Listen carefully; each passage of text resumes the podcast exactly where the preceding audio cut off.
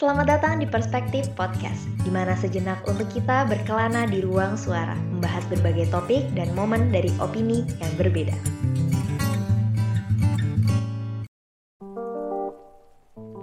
Halo semuanya, di akhir bulan ini kembali lagi di ruang suara yang masih sama.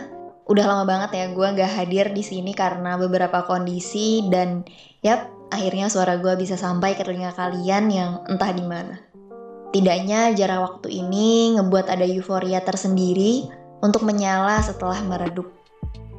Untuk topik yang satu ini, gue sendiri sedikit ragu, cenderung gak yakin malah, karena gue gak punya cukup pengalaman yang buat sampai jadi batu loncatan untuk membahas ini.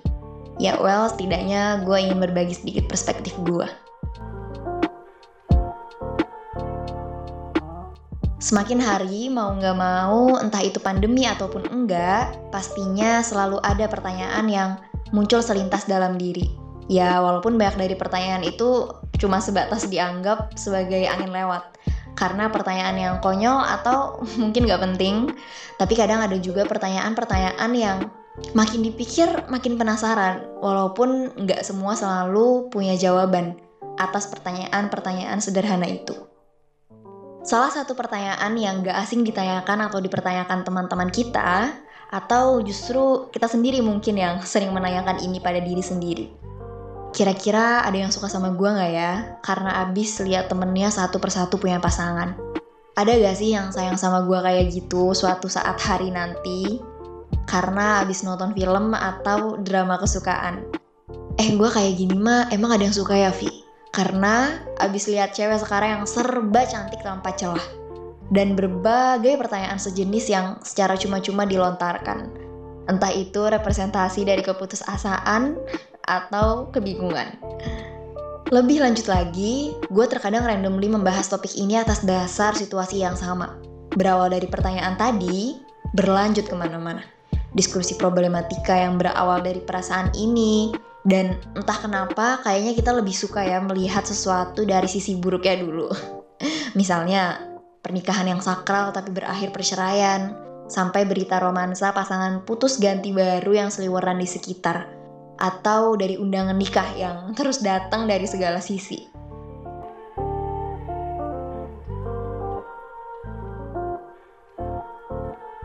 Dari sebuah usaha menemukan jawaban di atas, kenapa, kenapa, dan kenapa. Yang gue dapatkan apa? Yang lawan bicara gue dapatkan juga apa? Jawabannya adalah kebingungan. Karena ya, ya nggak tahu gitu. Gue nggak tahu, kita nggak tahu, karena sebagian dari kita ya belum pernah juga di posisi itu. Sekalipun gue merasa udah mampu menjawab dari sisi gue, jawabannya ya malah balik lagi nanya ke diri sendiri.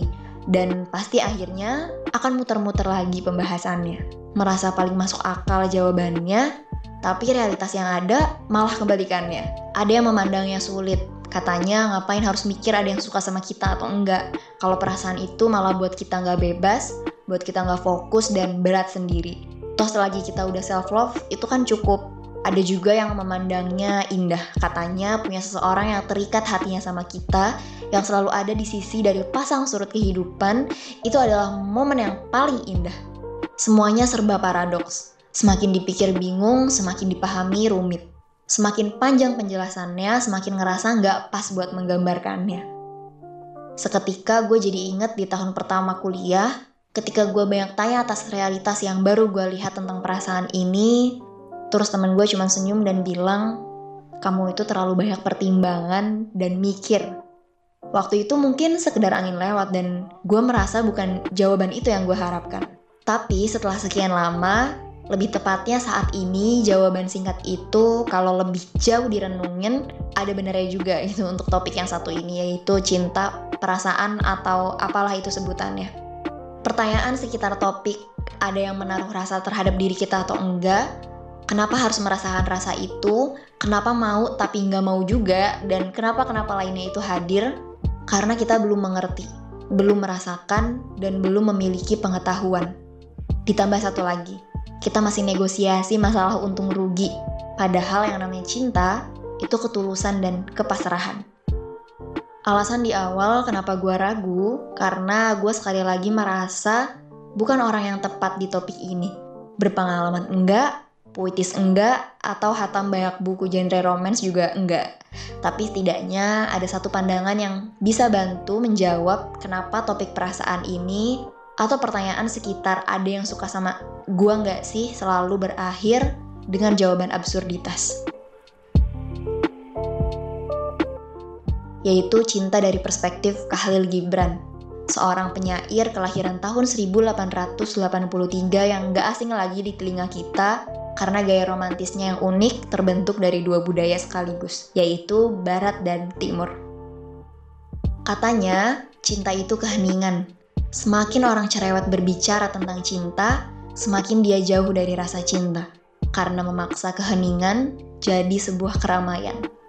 Jadi, buat kita yang selama ini bertanya kenapa makin dibahas makin bingung, karena sesuai kata Khalil Gibran, kita terlalu memaksa keheningan jadi sebuah keramaian.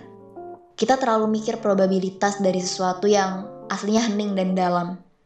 Katanya lagi, orang yang membahas cinta dalam kata-kata itu dangkal, karena cinta itu ya keheningan. Walaupun pemikirannya pasti harus digunakan pada situasi dan waktu yang sesuai ya. Tapi setidaknya dari Khalil Gibran, kita belajar untuk lebih bijak dalam hidup dan adil menempatkan segala hal. Dan itu juga yang buat gue kayak, oh iya ya, gue ngomongin ini, gue bahas ini pasti ya gak bakal ada abisnya. Semua serba paradoks dan yang bisa dilihat cuma manifestasinya. Dan mungkin sedikit melenceng dari topik perkataan Gibran tadi, gue bisa menarik pelajaran tersebut kepada aspek yang lebih luas, yaitu persoalan disukai atau tidak disukai oleh orang lain secara umum. Entah kita yang mau buat karya, entah kita yang mau buat terobosan baru, entah kita yang mau melanggar sedikit untuk sebuah perubahan yang lebih baik, entah kita yang ingin berbeda atau kita yang sedang mempertanyakan apakah kita layak untuk disukai orang-orang.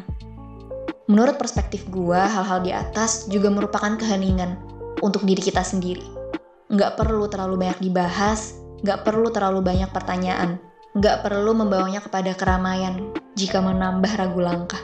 Cukup dirasakan, cukup diyakinkan, dan lakukan. Karena bisa jadi kita lebih mampu dari apa yang kita bayangkan. Kita lebih banyak disukai orang-orang tanpa kita sadari dari apa yang kita perhitungkan. Dan lebih layak untuk menyala dari apa yang kita pikirkan karena gak selamanya kita harus terus berada dalam keramaian untuk sebuah jawaban.